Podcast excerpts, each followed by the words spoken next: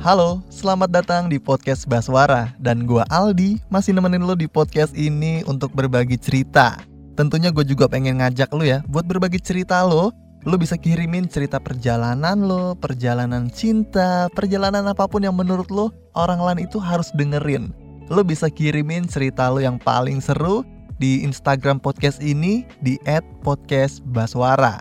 Sekarang yuk kita lanjut bercerita di podcast Baswara.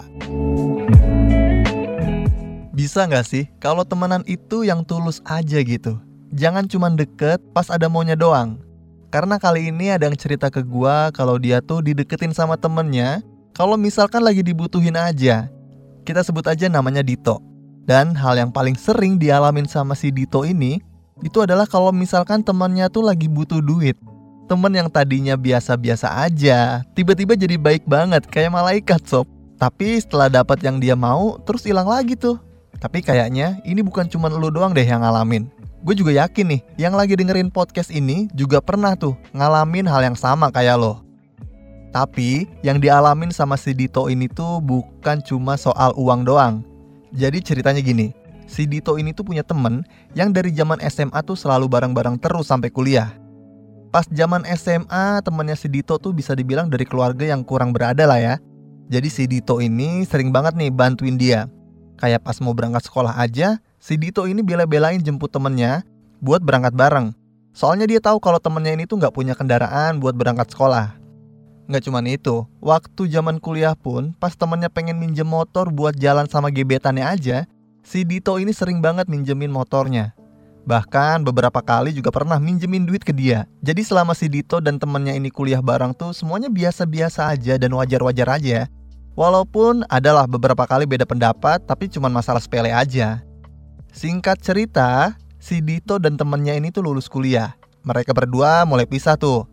Temennya Dito kebetulan nih dapat kerjaan di luar kota dan pulang ke rumah setahun cuma beberapa kali aja, kayak pas lebaran atau pas ada acara keluarga gitu. Dan temennya si Dito ini bisa dibilang sukses ya sob di tanah perantauan. Itu kebukti dengan dia bisa ngerapin rumah orang tuanya yang di sini. Ya intinya sih bisa bikin keluarganya jadi lebih baik lah. Malahan temennya si Dito ini udah bisa beli rumah sendiri yang bisa dibilang cukup luas. Sampai sini semuanya juga masih baik-baik aja. Sampai ada kejadian yang bikin si Dito ini kesel sejadi-jadinya.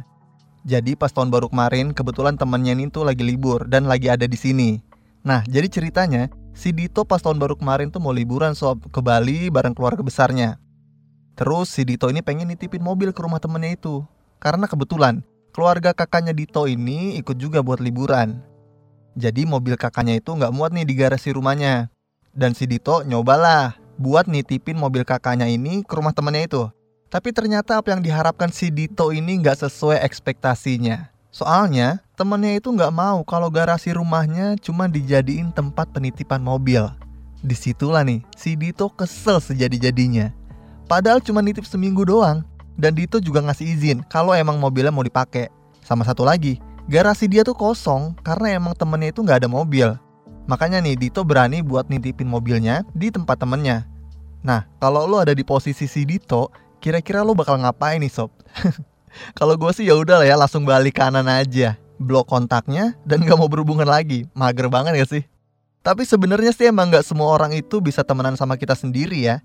Gak semua temen itu bisa memprioritaskan lo sebagai teman utamanya. Jadi jangan heran deh kalau misalkan ketemu sama yang model kayak begini. Soalnya setiap orang yang ada di kehidupan lo itu punya waktu dan kepentingannya masing-masing. Salahnya, lo terlalu berlebihan aja nih dalam menanggapi ekspektasi lo.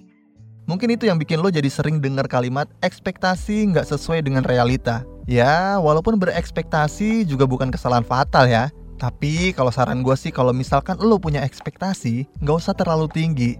Jadi kalau jatuh nggak bikin lo sakit hati sob.